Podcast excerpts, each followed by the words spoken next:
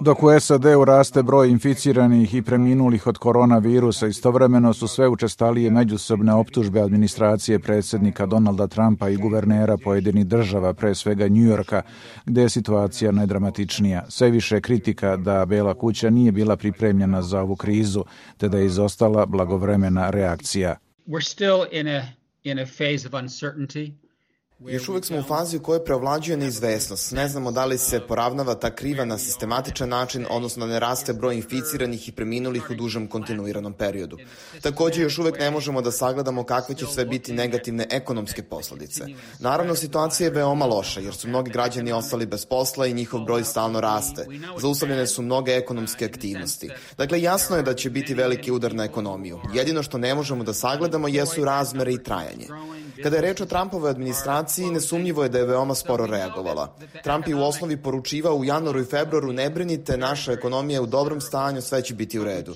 Reagovala je tek kada su berze počele da dramatično padaju, jer su u finansijskom sektoru uvideli šta se dešava u zemlji i svetu, pa su investitori krenuli da rasprodaju deonice. Problem je i što na početku nije bilo opreme za testiranje na koronavirus. Vidimo iz primjera Južne Koreje, Singapura i drugih zemalja da je testiranje jedna od ključnih mera u nastojanju da se spreči pandemija. Ta nepripremljenost se ogleda i u nedostatku kapaciteta u odeljenjima intenzivne nege za najteže slučajeve, zatim respiratora, maski i ostale medicinske opreme. Sada je situacija bolja kada je reč o opremljenosti, ali kao što sam rekao, Trumpova administracija reagovala veoma sporo. Takođe, zanemarivala i međunarodnu koordinaciju napora u obuzdavanju pandemije. Prvi ozbiljniji napor da se usaglase aktivnosti sa saveznicima bio je video summit G7 zemalja 11. marta, što je bila zakasnala reakcija više od mesec dana. Nakon nekoliko dana održan je sastanak šefova diplomatija G7, na kom je došlo do nesuglasica zbog insistiranja američkog državnog sekretara Majka Pompea da se u završne zaključke uključi termin virus iz Wuhana umesto koronavirus. Na kraju nije bilo usaglašenog zajedničkog komunikea u trenutku kada se rasplansavala jedna od najtežih zdravstvenih kriza u modernom dobu. Dakle, SAD nisu pokazale spremnost sa tešnjom saradnjom kako sa saveznicima, tako i Kinom. Saradnja sa Pekingom bi bila veoma važna u mnogim oblastima, od snabdevanja do istraživanja i pronalaska vakcine. Dakle, nedostaje koordinisani odgovor na međunarodnom nivou, kao što je postoje, na primjer, u slučaju ebola. That kind of international response which we saw in the Ebola crisis has been virtually lacking. If we can move one step back, uh, Da se vratimo još jedan korak nazad. Da li bi šteta bila znatno manja da je Trumpova administracija reagovala brže i efikasnije? Naime, mnogi eksperti smatraju da je problem još stariji i dublji. Na primjer, u vreme izbijanja SARS-a radilo se na razvijenju vakcine pa odustalo. Zatim da je u slučaju SAD-a problem što ne postoji sinhronizovani zdravstveni sistem jer je uglavnom u privatnim rukama. Takođe, Trump je ukinuo odeljenje pri Savetu za nacionalnu bezbednost za praćenje pandemija koje je osnovao Barack Obama. Problem je i što je godinama zapostavljano obezbeđivanje adekvatnih medicinskih zaliha. Političari poput Bernija Sandersa smatraju da je neblagovremena reakcija posledica višegodišnjeg lošeg funkcionisanja sistema. I don't have the, the medical expertise to be able to say that Ja nisam stručnjak za zdravstvo, pa ne mogu da kažem koliko bi situacija bila bolja da je Trumpova administracija brže reagovala. Ali nema sumnje da bi situacija bila povoljnije da su ranije pripremljene potrebne zalihe maski, respiratora i započela neophodna istraživanja. U ostalom, iskustvo je pokazalo da je stanje kudikamo bolje u zemljama koje su rano započele testiranje i organizovale karantine. Mnogo je tu faktora u igri. Od španske groznice 1918. nije bilo pandemije. Umeđu vremenu bilo je raznih epidemija, poput najnovijih kao što su SARS i MERS, ali koje nisu zahvatile ceo svet. Očito su se ljudi uljuljkali pre svega nadležni, opustivši se previše. Kao što ste pomenuli, zatvoreno je odeljenje za praćenje pandemije koje je osnovao predsednik Obama. Obaveštana zajednica u SAD-u je upozoravala Trumpa još prošle godine na mogućnost ovakve zaraze, ali ništa nije urađeno da se pripremi za nju. Tačno je i da u SAD-u ima građana bez zdravstvenog osiguranja i u toku je debata da se pokriju troškovi njihovog lečenja u slučaju da se zaraze koronavirusom. Međutim, ne mislim da je to ključni problem, već nepripremljenost i spora reakcija vlasti na pandemiju.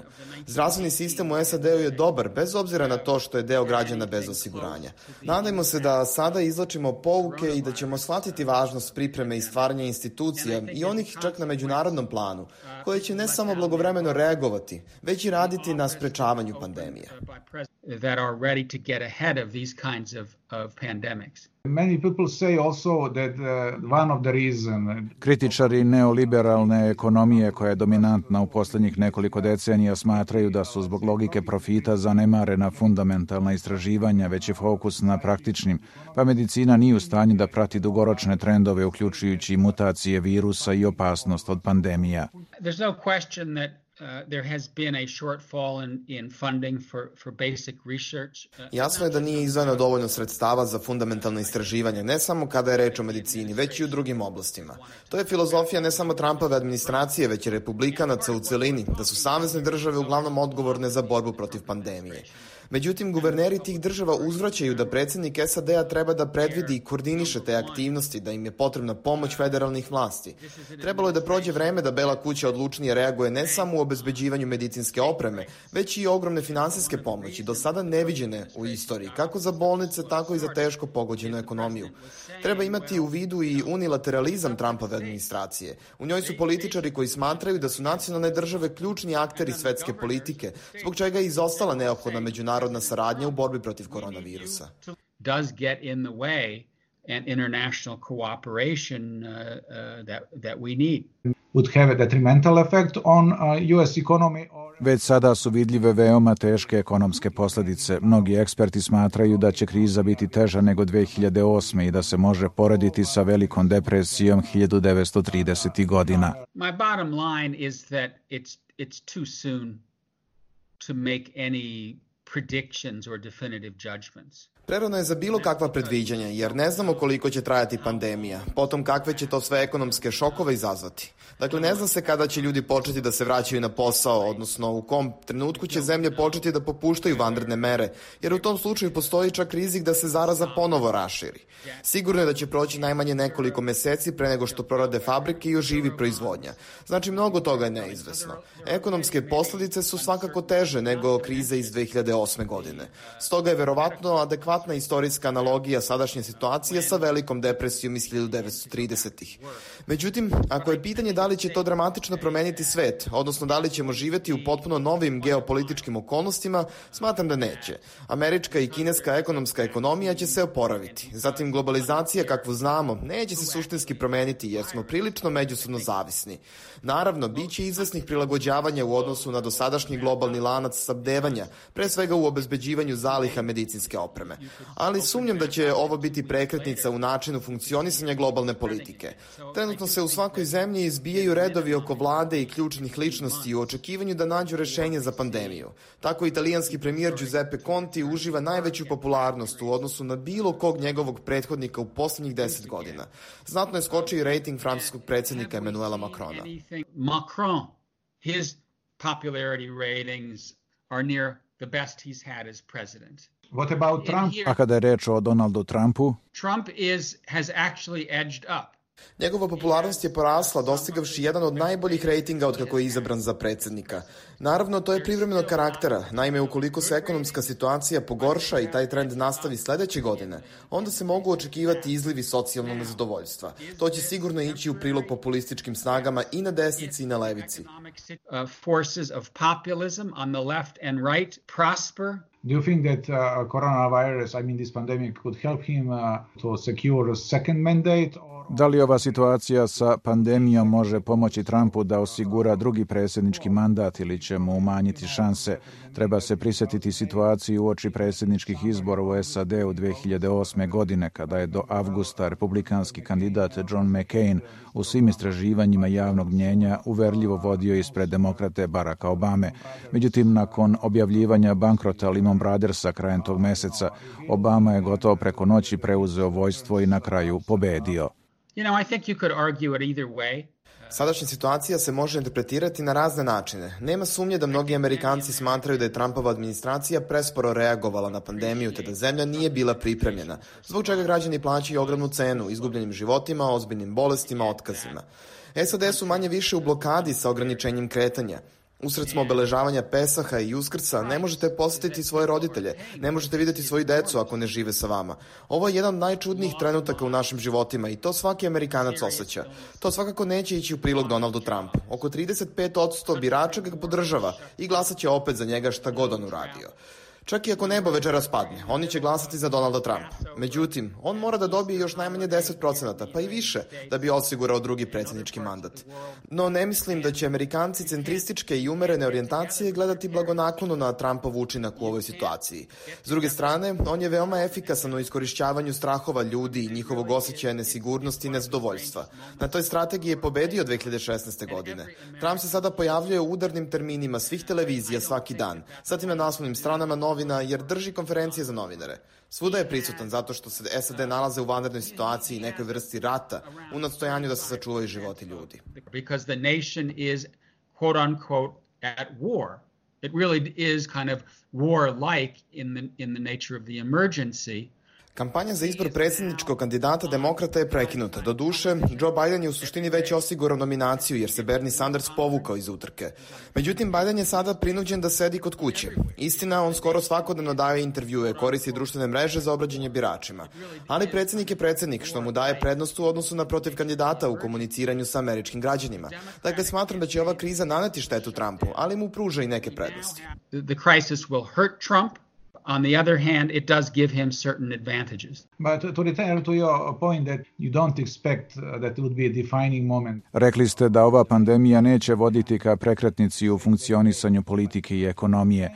Ipak, da li će se izvući neke pouke u smislu priprema za efikasnije reagovanje na ovakve i slične situacije, preorijentisanja na zelenu ekonomiju imajući u vidu i velike izazove zbog klimatskih promena, ili će se nastaviti po starom? Velike kompanije koje su bile u znatnoj meri odgovorne odgovorne za finansijsku krizu 2008. godine nastavile su i nakon nje po starom, pa su iskoristile novac koji su države upumpavale na tržišta ne za investiranje u realnu ekonomiju, već za plasiranje na berzama. U međuvremenu su narasli korporativni dugovi, pa se već prošle godine upozoravalo da globalna ekonomija usporava. I want to caveat what I said, uh, you know, that this will not be a defining moment for mankind. Kada sam rekao da pandemija neće dovesti do prekretnice, mislio sam na scenariju u kom ćemo uspeti da se izborimo sa pandemijom i sprečimo dalje pogoršanje situacije. Makoliko je trenutno teško, imamo izvesnih razloga za optimizam da mere fizičkog distanciranja daju rezultate, jer vidimo da u najkritičnijim mestima, kao što je New York, zaraza koronavirusom ipak usporava, mada sve to može da potraje. Drugom, treba da imamo u vidu i efekte pandemije na zemlje sa slabije razvijenim zdravstvenim sistemom u Africi, zatim izbegličku populaciju, a onda i Siriju. Međutim, dugoročno gledano mislim da će se na međunarodnom nivou uspostaviti telo zaduženo za zdravstvene probleme, koje će blagovremeno reagovati kako bi se oni predupredili, a ne samo da se naknadno reaguju na slučajeve kao što je ovaj. Kada je reč o SAD-u, smatram da će se nastaviti debata o univerzalnoj zdravstvenoj zaštiti, kako osigurati veću jednakost, odnosno smanjiti postojeće nejednakosti među Amerikancima. I ova situacija je pokazala da su siromašniji slojevi najviše pogođeni. Dakle, to će podstaći debatu koju su pokrenuli Bernie Sanders i Elizabeth Warren u smislu šta treba učiniti da ova zemlja postane bolje mesto u smislu većih socijalnih jednakosti. Slična rasprava se može očekivati i drugde u svetu kada je reč o globalizaciji. And we'll probably see that same kind of debate occur at, at the international level when it comes to, to globalization. Just debate or, or certain, uh, let's say, implementation of these politics because... Očekujete samo debatu ili primjenu nekih od načela koje pominjete. Bernie Sanders se pre neki dan povukao iz utrke. On je vodio na početku primarnih izbora, pobedivši u New Hampshireu, Nevadi. Međutim, delovi demokratske stranke, a naročito njeno vojstvo, ne podržava Sandersovu politiku, smatrajući da vodi podelama u SAD-u. I think you'll see some implementation Mislim da će deo biti primenjen. Joe Biden već uključuje u svoju izbornu platformu pojedine Sandersove ideje. Međutim, ne verujem da će to dovesti do radikalnih promena u SAD-u sa znatno drugačijom politikom. Naravno, osim ukoliko kriza ne dosegne istorijske razmere. Ko to zna, jer još smo u početnoj fazi. Međutim, kako stvari sada izgledaju, umesto radikalnog zaokreta, realnije je očekivati izvesna prilagođavanja, kao što je proširenje zdravstvene zaštite ili povećanje pomoći siromašnijim slojevima. Efforts to expand healthcare efforts to move toward, uh, particularly to, to get more assistance to lower income societies. Da li su dovoljna samo prilagođavanja ili će ova situacija dovesti do dubljih promjena i samih postulata neoliberalnog sistema, takozvane reganomike? Pojedini autori na levici govore o nužnosti prelaska u novu fazu koju nazivaju postkapitalizam, što podrazumeva mnogo veće investicije u javni sektor. Given where we are now and what we know, Imajući u vidu sadašnji trenutak, predviđam izasne modifikacije postojećeg modela, a ne suštinski zaokret. Kao što sam već rekao, ne vidim da će doći do kraja globalizacije, da će privatni sektor biti skrajnut ili da će nacionalne vlade osnažiti svoju moć u odnosu na prethodni period. Brine me da li će se ojačati trend slabljenja liberalne demokratije, koji je započeo još pre nekoliko godina. Postavlja se pitanje da li će nakon ove pandemije Mađarska postati uzor, odnosno model koji će slediti mnoge druge zemlje. Tačnije, da li će poput Viktora Orbana, koji koristi vanredno stanje da ojača svoju poziciju, to učiniti političari drugde u svetu. Takođe, ako u narednih nekoliko meseci stanje u SAD-u i dalje bude teško, da li će biti odloženi predsjednički izbori? Zatim, da li ćemo biti sve više svedoci anti- i van ustavnih i nedemokratskih tendencije kao posledica ove situacije? Pretpostavljam da neće, ali istorijsko iskustvo iz 1930-ih je otrežnjujući jer pokazuje šta može da se desi sofisticiranom i prosperitetnom društvu i to korišćenjem demokratskih mehanizama. To su košmarni scenariji koji me brinu. Istovremeno, ovakve situacije mogu biti iskorišćene i za velike iskorake na bolje. Naime, nakon ratova 1815. godine, 1918. zatim 1945. došlo je do značajnih promjena u svetu, a ova pandemija podsjeća na rat. Like a war. You said that you are worried about the rise of possible populism. Pomenuli ste populizam u Mađarskoj koji je ojačao poslednjih godina i širom Evrope. Istovremeno u ovoj krizi su ponovo došle do izražaja nesuglasice unutar Evropske unije kao i nakon krize 2008. jer preovlađuju nacionalni interesi njenih članica. Ona je na ozbiljnim iskušenjima nakon Brexita. Sada je italijanski premijer Conte upozorio da ukoliko izostane zajednički odgovor na krizu, uključujući izdavanje euroobveznica, da to može ugroziti opstanak evropskog bloka. I mean, in some ways what we're seeing is a, a replay To što se u ovom trenutku dešava u Europskoj uniji podsjeća na dužničku krizu od pre nekoliko godina. Jedino što je sada još gore. Tada je glavni problem bila Grčka. Na kraju je Evropska unija pomogla opstanak grčke ekonomije uz veoma oštre uslove. Španija i Italija su mnogo veće ekonomije. Obe su sada u velikim problemima, pa se postavlja pitanje da li će Italija biti u stanju da otplaćuje sve veće dugove. Sada su oživljene iste one podele kao i nakon krize 2008. Nemačka i Holandija i pojedine nordijske zemlje nisu spremne da preuzmu na sebe deo tereta i otplaćuju italijanske dugove. Smatram da ako se stanje pogorša i zapreti opasnost od raspada ne samo eurozone, već i same Evropske unije, onda će Nemačka preuzeti voćstvo. Ne mislim da će kancelarka Angela Merkel ili bilo ko od njenih naslednika želeti da budu svedoci raspada EU. To znači da će se u kritičnom trenutku pronaći zajedničko rešenje. And so when push comes to shove, I, I expect that, uh, that we will see euro bonds if, if it comes to that. Henry Kissinger wrote a few days ago that uh, world order should be... Henry Kissinger je napisao nedavno da će pandemija koronavirusa zauvek promeniti svetski poredak. Da li će to značiti jačanje protekcionizma, čemu smo svedoci poslednjih godina, ili će nužnost globalnog odgovora na globalne probleme iziskivati reafirmaciju multilateralizma? from the American perspective, the unilateralism, the protectionism, the anti immigrant sentiment, uh, that was all Gledajući iz američke perspektive, trendovi poput unilateralizma, protekcionizma i podozrivosti prema imigrantima bili su vidljivi pre pandemije. To se oličava i u politici Amerika na prvom mestu, kojom je Trump i pobedio na prethodnim izborima. Te snage su dalje prisutne u svetu.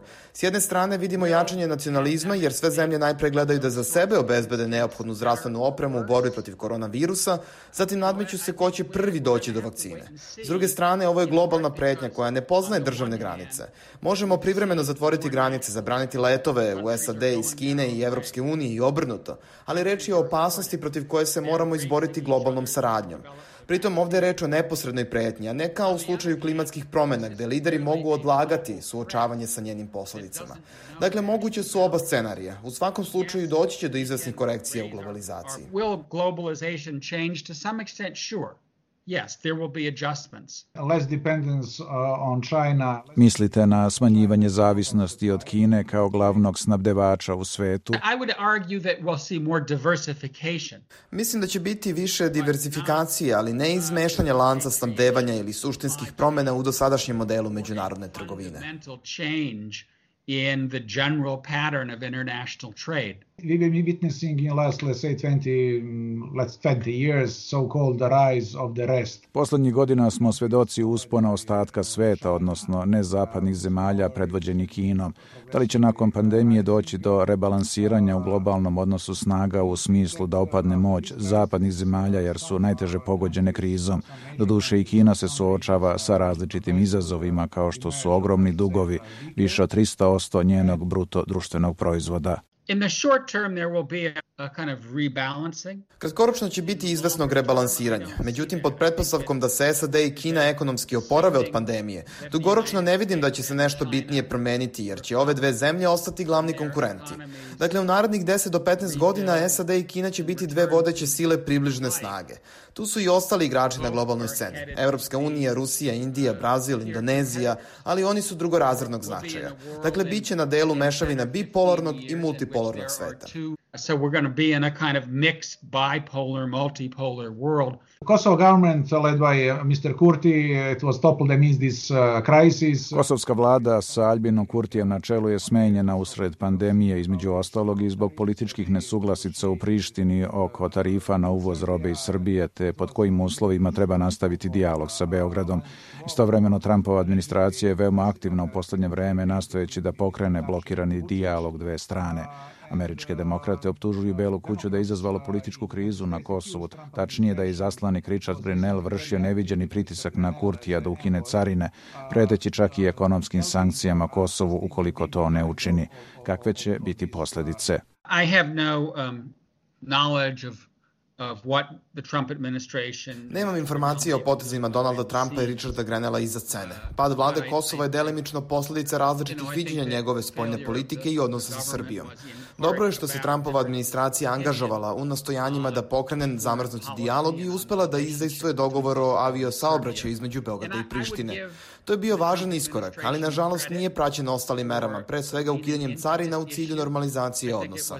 Nadam se da će se buduća kosovska vlada vratiti pregovorima sa Srbijom, jer je u interesu obe zemlje, kao i regiona u celini, da pronađe izlaz iz ovog ćorsokaka i napredovati na putu integracije u Evropsku uniju.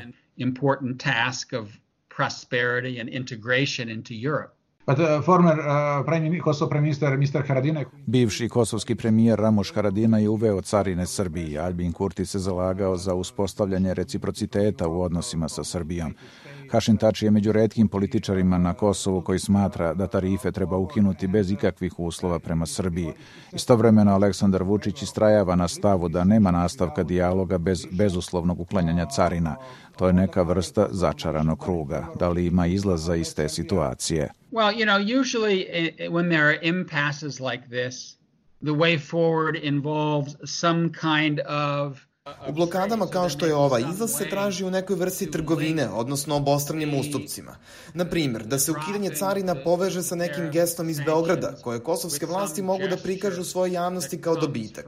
Ne znam šta bi takav gest tačno podrazumevao, ali definitivno nije ni u čijem interesu da ovaj problem ostane zamrznut u nedogled but it is no it is in no one's interest for this issue to be frozen. But Mr. Vučić uh, feels pretty comfortable now in Međutim stiče se utisak da se Vučić osjeća komforno zbog sukoba među kosovskim političarima u kombinaciji sa povlačenjem priznanja Kosova od pojedinih zemalja. U Beogradu smatraju da su konačno u povoljnije međunarodnoj poziciji od Prištine za razliku od prethodnih 20 godina. Well, the bottom line for both Vučić and for Thaci Suština je da Vučić i Tači ne mogu da postignu dogovor koji bi uključivao razmenu teritorija ili bilo koje druge mere iza zatvorenih vrata. Za bilo koje rešenje potrebna je većinska podrška u obe zemlje. Stoga je naročito sada na Kosovu potrebno stvoriti široku koalicijnu vladu koja će voditi zemlju u pravom smeru. Tači to ne može da uradi sam.